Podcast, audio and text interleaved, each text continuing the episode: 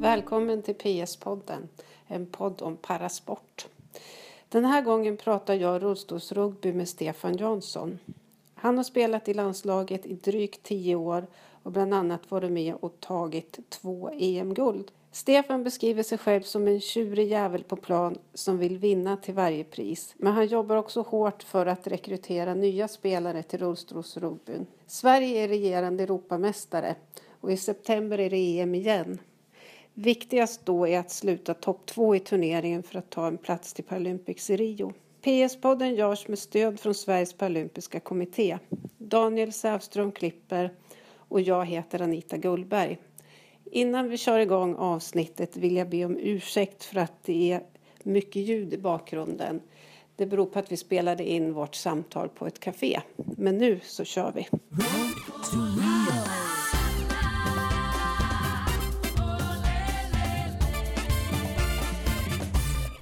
Stefan och välkommen till PS-podden. Tack så mycket. Idag ska vi prata rullstolsrugby och jag tänkte be dig berätta lite vad det är. Rullstolsrugby, det är ju en riktigt fräck idrott. Man spelar fyra mot fyra på en plan som är lika stor som en basketplan, i regel alltid inomhus. Eh, man spelar i fyra gånger åtta minuter, effektiv tid. Och hela spelet går egentligen ut på att man ska föra bollen från sin baslinje över till andra sidan och göra mål. Och det gör man genom att ha kontroll över bollen och föra över motståndarnas mållinje. Och sen på plan får man ju tacklas egentligen hur mycket Mm. som helst och det är det som är charmen med idrotten. Sen riktar vi oss i regel till de som har nedsättningar i armar och händer. Mm. Det kan ju bero på, på olika saker. Sjukdomar eller skador. De allra flesta är så kallade tetraplegiker som har råkat ut för en olycka där man har brutit nacken och, och fått nedsättningar i, ja, i armar och eller händer. Mm. Rugby, hur stor är likheten med rugby? Jag vet ju inte hur så kallad vanlig rugby går till. Vi spelar inte på gräs till exempel för det hade Nej. gått väldigt sakta med våra rullstolar. Eh, Planen är mycket mindre, vi spelar inomhus. eh, De är många fler på plan och eh, jag tror egentligen det som, som är lite lika det är, det är tacklingarna, det fysiska i spelet. Och att, att vi inte har några skydd. Mm. Men, men som sagt, jag vet inte riktigt hur så kallad vanlig rugby går till. Så att jag kan Nej. inte jämföra det helt. Då. Lämnar vi det tycker jag. Eh, du sa ju att eh, det är vanligt att man har nedsatt funktion i armar och händer när man spelar rugby. Kan du berätta lite kort om din funktionsnedsättning? Mm. Jag har ju en eh, medfödd nervsjukdom då, som heter CMT. Mm. Och den eh, upptäckte väl egentligen mina föräldrar att jag hade försvagad, försvagade fötter främst då, när jag var någonstans ett, två år gammal. Och det är en progressiv nervsjukdom som gör att eh, mina armar och ben, händer och fötter eh, är försvagade. Mm. Jag kunde gå tills jag var 12 år ungefär och sen hamnade jag i rullstol och sen har det blivit sämre under tiden som jag har växt. Då. Så kanske Okej. det stannade upp någonstans vid 20-22 års ålder. Så att, eh. Sen dess har det väl varit ungefär som det är nu då. Mm. Och hur kom du i kontakt med rullstolsrugby första gången? Jag och så mina föräldrar och kanske särskilt mamma har varit väldigt på att jag ska hitta någonting att hålla på med i Köping Mm. som är en ganska liten stad. Det finns inte något jätteutbud och särskilt inte om, om man har en, ett fysiskt handikapp. Men hon har letat på en, en mängd olika grejer för mig att göra. Då. Bland annat var det friidrott i Västerås och då började jag pendla dit och prova på friidrott och körde lite marastol. Eh, Och genom där fick jag kontakt med några stycken som hade varit på en, en rehabiliteringsresa till, till Florida med dåvarande Frösunda Center vid Mm. Station Stockholm idag. Och eh, den resan handlade egentligen om att man, eh, man var en vecka i Stockholm och tränade, eh, provade på massa olika sporter och sen de andra två av de tre veckorna var i Florida. Då bodde vi på ett hotell och höll till mycket på en tennisbana, i pool och på någon rundbana.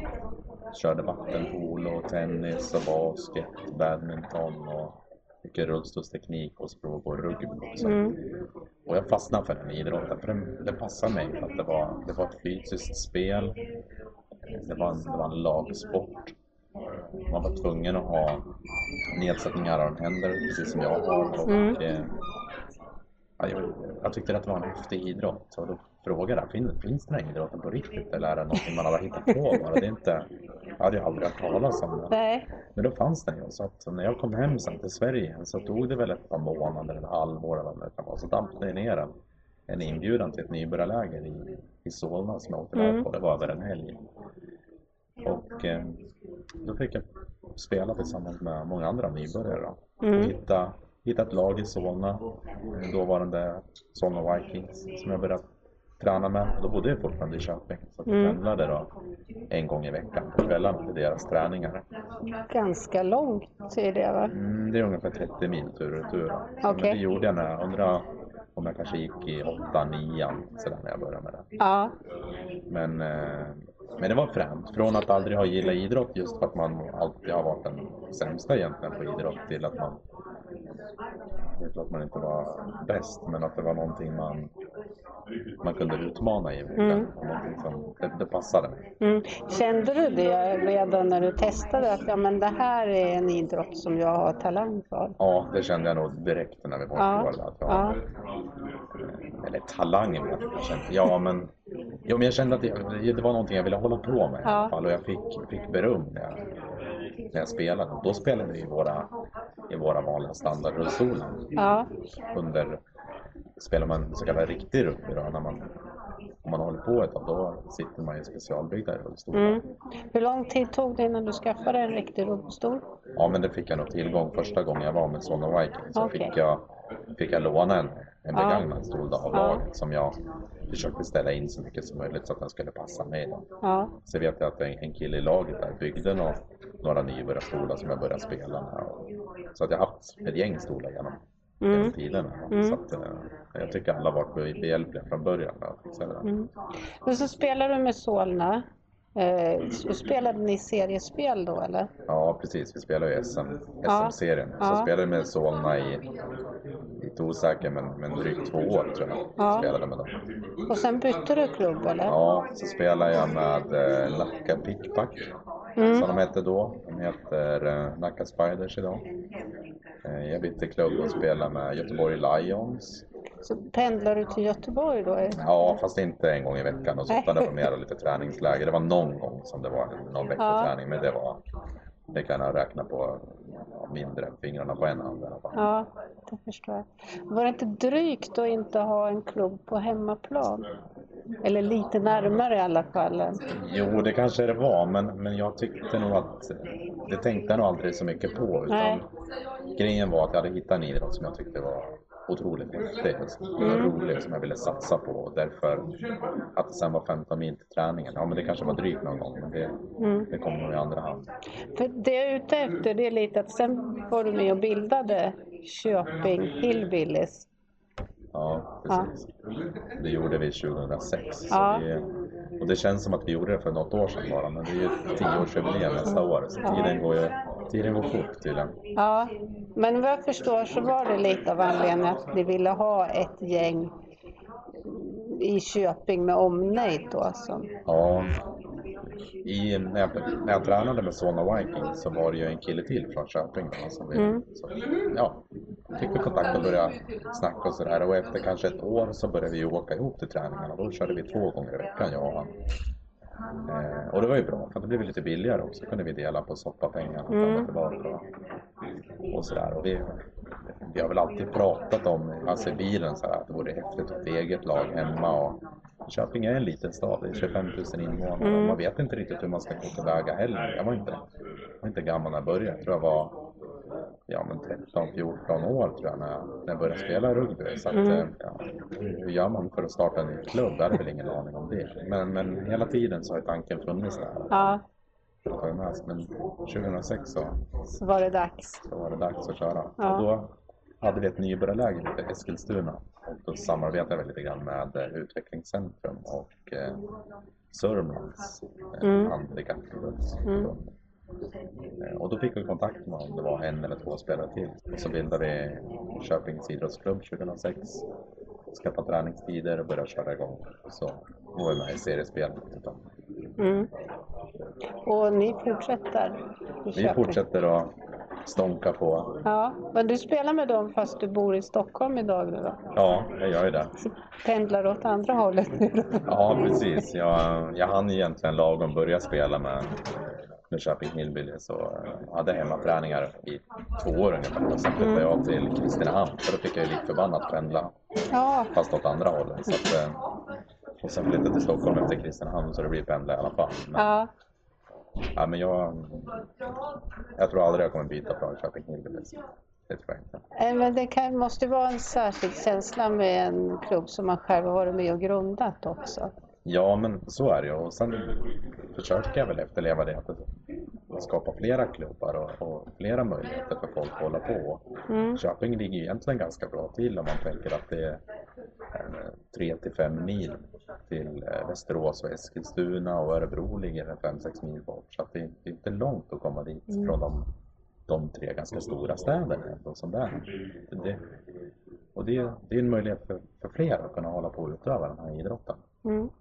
För eh, det här med rekrytering, det är också något som du har engagerat dig rätt mycket i. Ja, man försöker i alla fall Ja. göra det. Vi har haft några stycken nybörjarläger. Ja. Senast ett i augusti förra året och sen kommer vi ha ett till nu i slutet av september i, i år. Ja, varför? Jag vill skapa fler motståndare tänker Okej. jag. Så att, eh, och kanske fler medspelare också. Ja. Men det är ju rikstäckande nybörjarläger som kommer hållas i Eskilstuna i år. Det var i. Västerås förra året. Det kommer kosta 400 kronor per, per person att anmälan och då ingår mat och hotell och träningar lördagen och söndagen. Så det är en bra ledare på plats, mycket kunskap, riktiga rugbystolar. Alla Mm. kommer få en klassificering. Allt för att sänka trösklarna in i sporten. Okej. Och de läger som ni har haft nu då, har det resulterat i nya spelare?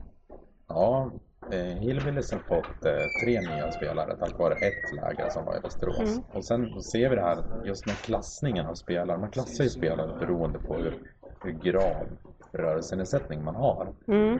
Ju högre poäng man har desto starkare är man kan man säga. Mm.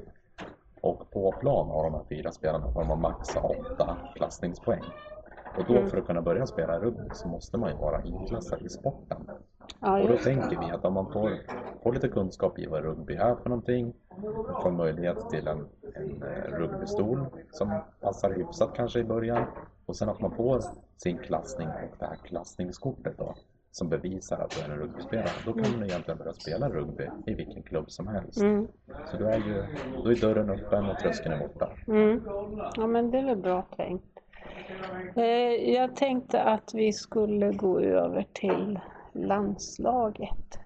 Hur länge har du, när började du spela med i landslaget? Landslaget tänker jag att jag började träna var 2004. För jag vet att mitt första EM var i Danmark 2005. Mm. På vilken position spelar du i landslaget? Ja, alltså jag vet inte hur vi delar upp det där med positioner egentligen i, i rugbyn då, men eh, mina styrkor är i alla fall en defensiv roll ofta. Och Mm. spelar vi offensivt så bru- brukar jag ligga på topp, plocka bort spelare eller ligga för dem och skiva långbollar egentligen. Mm. Är du en sån här, du- är ju en lågpoängare. Ja, jag är långpoängare, en Ja. poängare. Ja. Men är du en sån här som man ser i hockeyn, de här som är precis framför målgården och stör hela tiden? Är det lite ditt jobb? Ja, stör mina motståndare, Ja. det gör jag nog alla gånger Ja. i veckan. Så att, eh, ja, absolut. Det är nog mycket möjligt att det är så. Okej. För att du är ju en, en ganska tuff spelare. En tjurig i alla fall. Ja, ja det kanske också. Nej, för vad jag tänker på det att jag vet att jag har ju sett er på turneringar så där, och du har vissa turneringar tillbringat ganska mycket tid i utvisningsbåset. Ja, precis. Ja, varför gör man så? Eh, jag har tänkt på det här många gånger och i Mm. många år varför man eh, beter sig som man gör ibland på plan. Och det är inte alltid tyvärr kanske sportsligt. Det men jag, jag tror det grundar sig i att jag, jag vill vinna matcherna till vilket pris som helst. Så jag gör allt för mina medspelare för att vi ska ta oss till vårat mål. Ja, Sen om det rör sig utanför boxen så må så vara. Man, eh, det är möjligt att det är så. Jag försöker då psyka mina motståndare och, och göra allt för att Ja. vi ska ha fler pinnar än vad de har när matchen Ja. slut. Så är det en kombination av din personlighet på plan då kan man säga och din roll på plan? Så kan det nog vara. Det är Mm. nog rollen på plan. Eh, att jag är en, en tjurig jävel helt enkelt. Och eh, att jag vill vinna. Mm. Jag är dålig förlorare. Okej, för du spelar likadant fortfarande? Alltså nu är man ju 30 år så någonting har väl hänt men, eh, men jag, ja, jag har nog samma spelsätt. Light kanske. Mm. Sen vet jag inte om alla andra håller med. Men jag tror att det har blivit Ja, snällare? Lite, lite mognare är man nog i alla fall. Okej. Eh, Sverige är ju regerande Europamästare Mm. och har två raka EM-guld. Och nu är det ju EM i september igen. ja. Vad har ni för målsättning då? Våra målsättningar är ju större än EM och det är att ta oss till Paralympics. Mm. Och ska vi direkt kvalificera till Paralympics i Rio 2016 så gäller det för oss att ta oss till final. Så vårt mål är att ta oss till final. Alltså topp två då? Ja, Mm. precis. Topp två. Men om man tittar, vad, hur ser du på era möjligheter att försvara guldet? Egentligen är våra möjligheter större nu. Vi har bättre förutsättningar idag för att ta ett guld än vi egentligen hade då. Men vi lyckades ta ett guld i Belgien 2013 och eh, det var nog kanske inte så många som trodde det men, men vi gjorde det i alla fall. Mm. Vad är skillnaden mellan 2013 och 2015? Vi har fått tillbaka den eh, coach som, eh, som vi hade som byggde upp hela vårt spelsystem till eh, Paralympics i London 2012. Eh, Vi har stärkt laget, vi har haft mycket mer kontinuerligt med träningsläger och både här i Sverige och utomlands. Eh, Vi har legat en vecka nu i sommar i Schweiz och tränat och en vecka i Finland och tränat och otroligt mycket matchträning. Eh, Så att mycket mer uppföljning så förutsättningarna är egentligen mycket bättre nu för att ta ett guld i höst. Okej. Men det är inte det främsta målet. Nej, det förstår jag inte. Eh, för trots att ni är Europamästare så är ni bara trea i Europa på rankingen. Mm. Och det hänger ihop med VM förra året. rätt. Ja. Ja, EM gick ju inte sådär jättebra för oss. Man kan säga att det gick ganska dåligt för oss egentligen. Och det var väl förberedelserna tror jag. Att Vi Mm. hade inte... Det ser bättre ut idag än vad det gjorde då. Ja, Okej. Det. För ni blev sjua på VM va? Ja, det stämmer väl tror jag. Ja. Eh, det är ju tufft eh, när det kommer till de här globala mästerskapen för de riktigt stora nationerna finns ju utanför Europa, eller hur? ja, precis. Ja. Eh, Och ni har haft det ganska tufft på, fyra är väl er bästa placering på VM va? Ja, Från Kanada eller något. Ja. Borde ni ha gjort, borde ni kunna göra bättre på de här globala? Alltså det är möjligt att vi kan göra bättre. Mm. eller har gjort bättre än vad vi har presterat. Men, men eh, jag, jag tror att vi hittills har gjort det ändå hyfsat bra. Sen, sen är det ju alltid sådär, när man spelar mot USA som vi aldrig har vunnit mot så är his, historia är, ju... Blir det mentalt också att det sätter sig lite? Ja, men visst är det väl så. Ja. Det är svårt att komma ifrån. Även om man inte vill att det ska vara så. De är också fyra spelare på plan, Mm. precis som vi är. Så blir det ju ändå att man känner att USA alltid vunnit mot oss. Och Kanada har vunnit, jag vet inte, med 19 av 20 matcher oss. Mm. Då, även om man går in och tänker att vi ska göra det här bra så det finns ju nerv. Mm, ja men det är klart. Australien då? Hur? Ja, de har vi vunnit mot en gång. Okej. Eh, historiskt vet jag inte hur det har gått mot Nej, Australien. nej, genom men men nu- sen jag började i alla fall Ja. så har vi vunnit en gång mot För Australien. det är ju de tre som är topp tre idag på rankingen. Ja. Ja. Jag tänkte höra med dig, Paralympics i London, det var ju ditt första Paralympics, eller hur? Ja, och då var det så att rugbyn hade inte varit med på ganska många år när ni kvalificerade er då. Nej, Paralympics i Peking missade vi ju precis. Vi var rankade Ja, åtta och Kina tog väl den sista placeringen tack vare att de var en värdnation. Ja, just det. Eh, Och då kändes det som att ni var på gång rätt bra där men sen gick inte turneringen riktigt er väg. Nej, vi missade ju med ett mål då mot Kanada. Mm. Så det var ju precis en hårt mål ifrån att vi, Mm. vi kunde ta oss vidare. Och jag tror att luften gick ur oss helt och hållet där. Mm. Då hade vi svårt att, att komma igen. Även om vi hade missat medaljerna i den matchen så hade vi kunnat komma bättre än sexa. Är det någon erfarenhet som ni har nytta av nu när ni satsar mot Rio tror du? Jag tror det, för nu är det ju flera av oss som har varit med i ett Paralympics tidigare. Då var det, tror jag, bara en enda spelare av, om vi var någonstans mellan 10-12 man, Ja, som, som hade gjort ett Paralympics. Och det är ju klart att när vi har spelat matcher tidigare för kanske max 100 personer och nu tror jag det var uppemot 10 000 på läktaren när det var mest. Så det är ju klart att det känns. Mm. Det är skillnad. mm. Så att, eh, det vore konstigt att man inte påverkade det. Sen varför exakt inte gick bättre än vad det gjorde i London. Det beror säkert på flera saker. Men, men eh, jag tror att det är bra med rutin i alla fall. Mm. Det kommer vara, om vi nu tar oss till Rio, vilket vi satsar på, så Mm. tror jag att det, det är definitivt bra att det är fler som har varit med i Paralympics innan. Har ni satt någon plan än för det här kommande året? Eh, Jag tror att det finns en plan för Mm. 2016 uppladdning inför Rio. Det är Mm. ingenting jag har eh, sett själv då, mer än på ett ungefär vad vi vill göra. Sen beror det ju på hur mycket, hur mycket pengar vi får, hur mycket träningsläger vi kan genomföra. Får Benoit bestämma så eh, blir det nog inte bara ledighet utan även tjänstledighet från jobbet. Ja, okej. Så att, det blir mycket rugby. Men det är så det ska vara också. Vi ska Mm. kunna ta oss någonstans. Mm. Men det är steg ett nu, är det EM då? Ja, det är full fokus Finland i Ja. september. Ja. Det är ju ändå det som, som kommer att avgöra om, om det blir någon satsning mot Paralympics efter det här. då. Ja. Du har ju spelat EM, VM och Paralympics. Vad skulle du säga är dina tre största idrottsliga ögonblick? Jag vet inte om det förväntas sig att jag ska säga att Paralympics var det häftigaste jag varit med om. Men Nej. jag, eh, jag tycker nog att EM 2005 var en stor grej som var med. Det var första gången med till EM och vi eh, tog brons. Mm. Vi vann eh, bronsmatchen mot eh, hemmanationen Danmark till publikens förtret, vilket var helt fantastiskt. Och sen är det ju såklart eh, menar, EM-guld 2011 och 2013 som Mm. är de absolut största ögonblicken. Mm.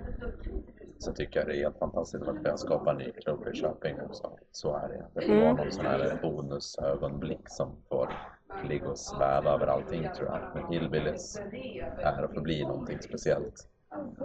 Mm. Ja, för att eh, det blev ju en dokumentär också om er som gick i SVT. Ja, exakt. Ja, hur var det? Ja, det är ju, det är ju riktigt häftigt. Det är också en, ett stort, en stor grej i mitt liv då. Mm. Kanske inte id, idrottsligt på det sättet, men, men det var ju, när var det då? 2008 tror jag, så Mm. fick jag ett samtal från ett eh, produktionsbolag som, som ville göra en dokumentärserie om ett lag. Och de hade väl inte kommit på vilken sport det skulle handla om, men eh, då var det någon i det här bolaget som hade sett en film som heter Murderball som handlar om amerikanska och kanadensiska landslagen i, i Rosås rugby. Och de tyckte att den här, var, den här sporten var rätt frän då, så att de ville se om det fanns samma sak i Sverige. Mm. Då började de kolla upp de klubbar som fanns och då var vi med på listan. Man valde ut vårt lag bland de som fanns i Sverige. Man gjorde ett pilotavsnitt som man sedan sålde in till SVT. Och sen började man spela in serien 2002 9. Mm. Så sändes det våren 2010. Mm. Och då blev ni lite av avkändisar i samband med det? Ja, man är ju jättekänd i tre månader och sen dog det ut. Så att, eh, ja, men det var en häftig upplevelse, så är det ju. Ja. Du var inne på lite vad dina styrkor var förut, men jag tänkte höra, är det någonting som du känner, nu har du hållit på ganska länge, men är det någonting som du känner att det här måste jag bli bättre på? Alltså jag tror väl egentligen att eh, man alltid måste bli bättre på på allting. Mm, Läsa spelet ska vi såklart bli bättre på. Det vill bli snabbare, starkare, kvickare i vändningarna. Eh, bättre bollkontroll.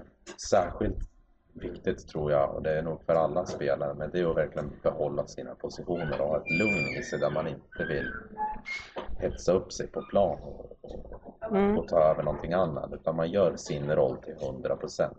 Och sen, eh, ser man till att alla fyra på plan gör samma sak så kommer Mm. varenda match gå galant. Mm. Har det blivit bättre med, eh, alltså ju längre, både med det att du har blivit äldre men också att du har spelat längre?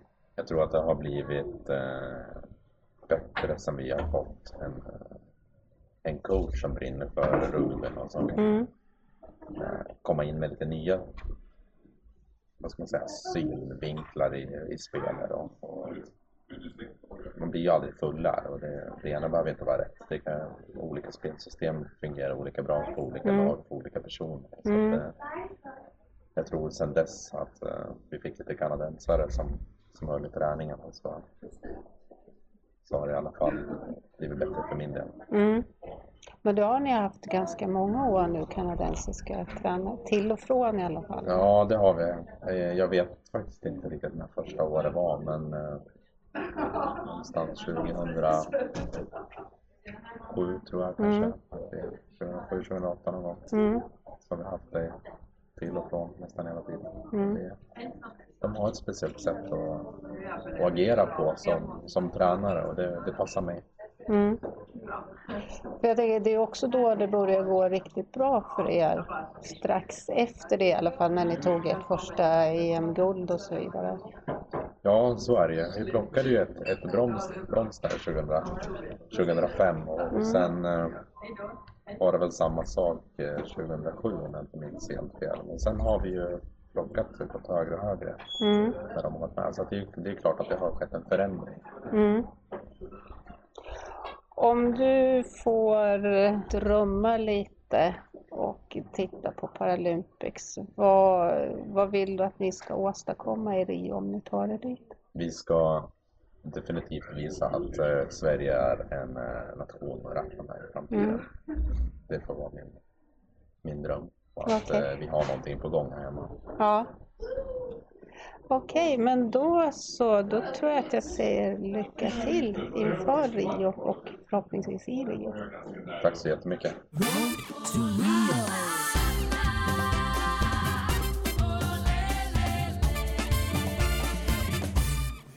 Tack för att du lyssnat. Den som vill följa landslaget kan göra det via hemsidan rullstolsrugby.nu. Stefan Jansson är också på gång med en Facebook-sida. När den är uppe så kommer jag länka till den från PS-poddens Facebook-sida. Och som vanligt så får ni gärna gå in och gilla podden på Facebook. Det går också bra att prenumerera på PS-podden via Acast eller iTunes. Vi hörs igen.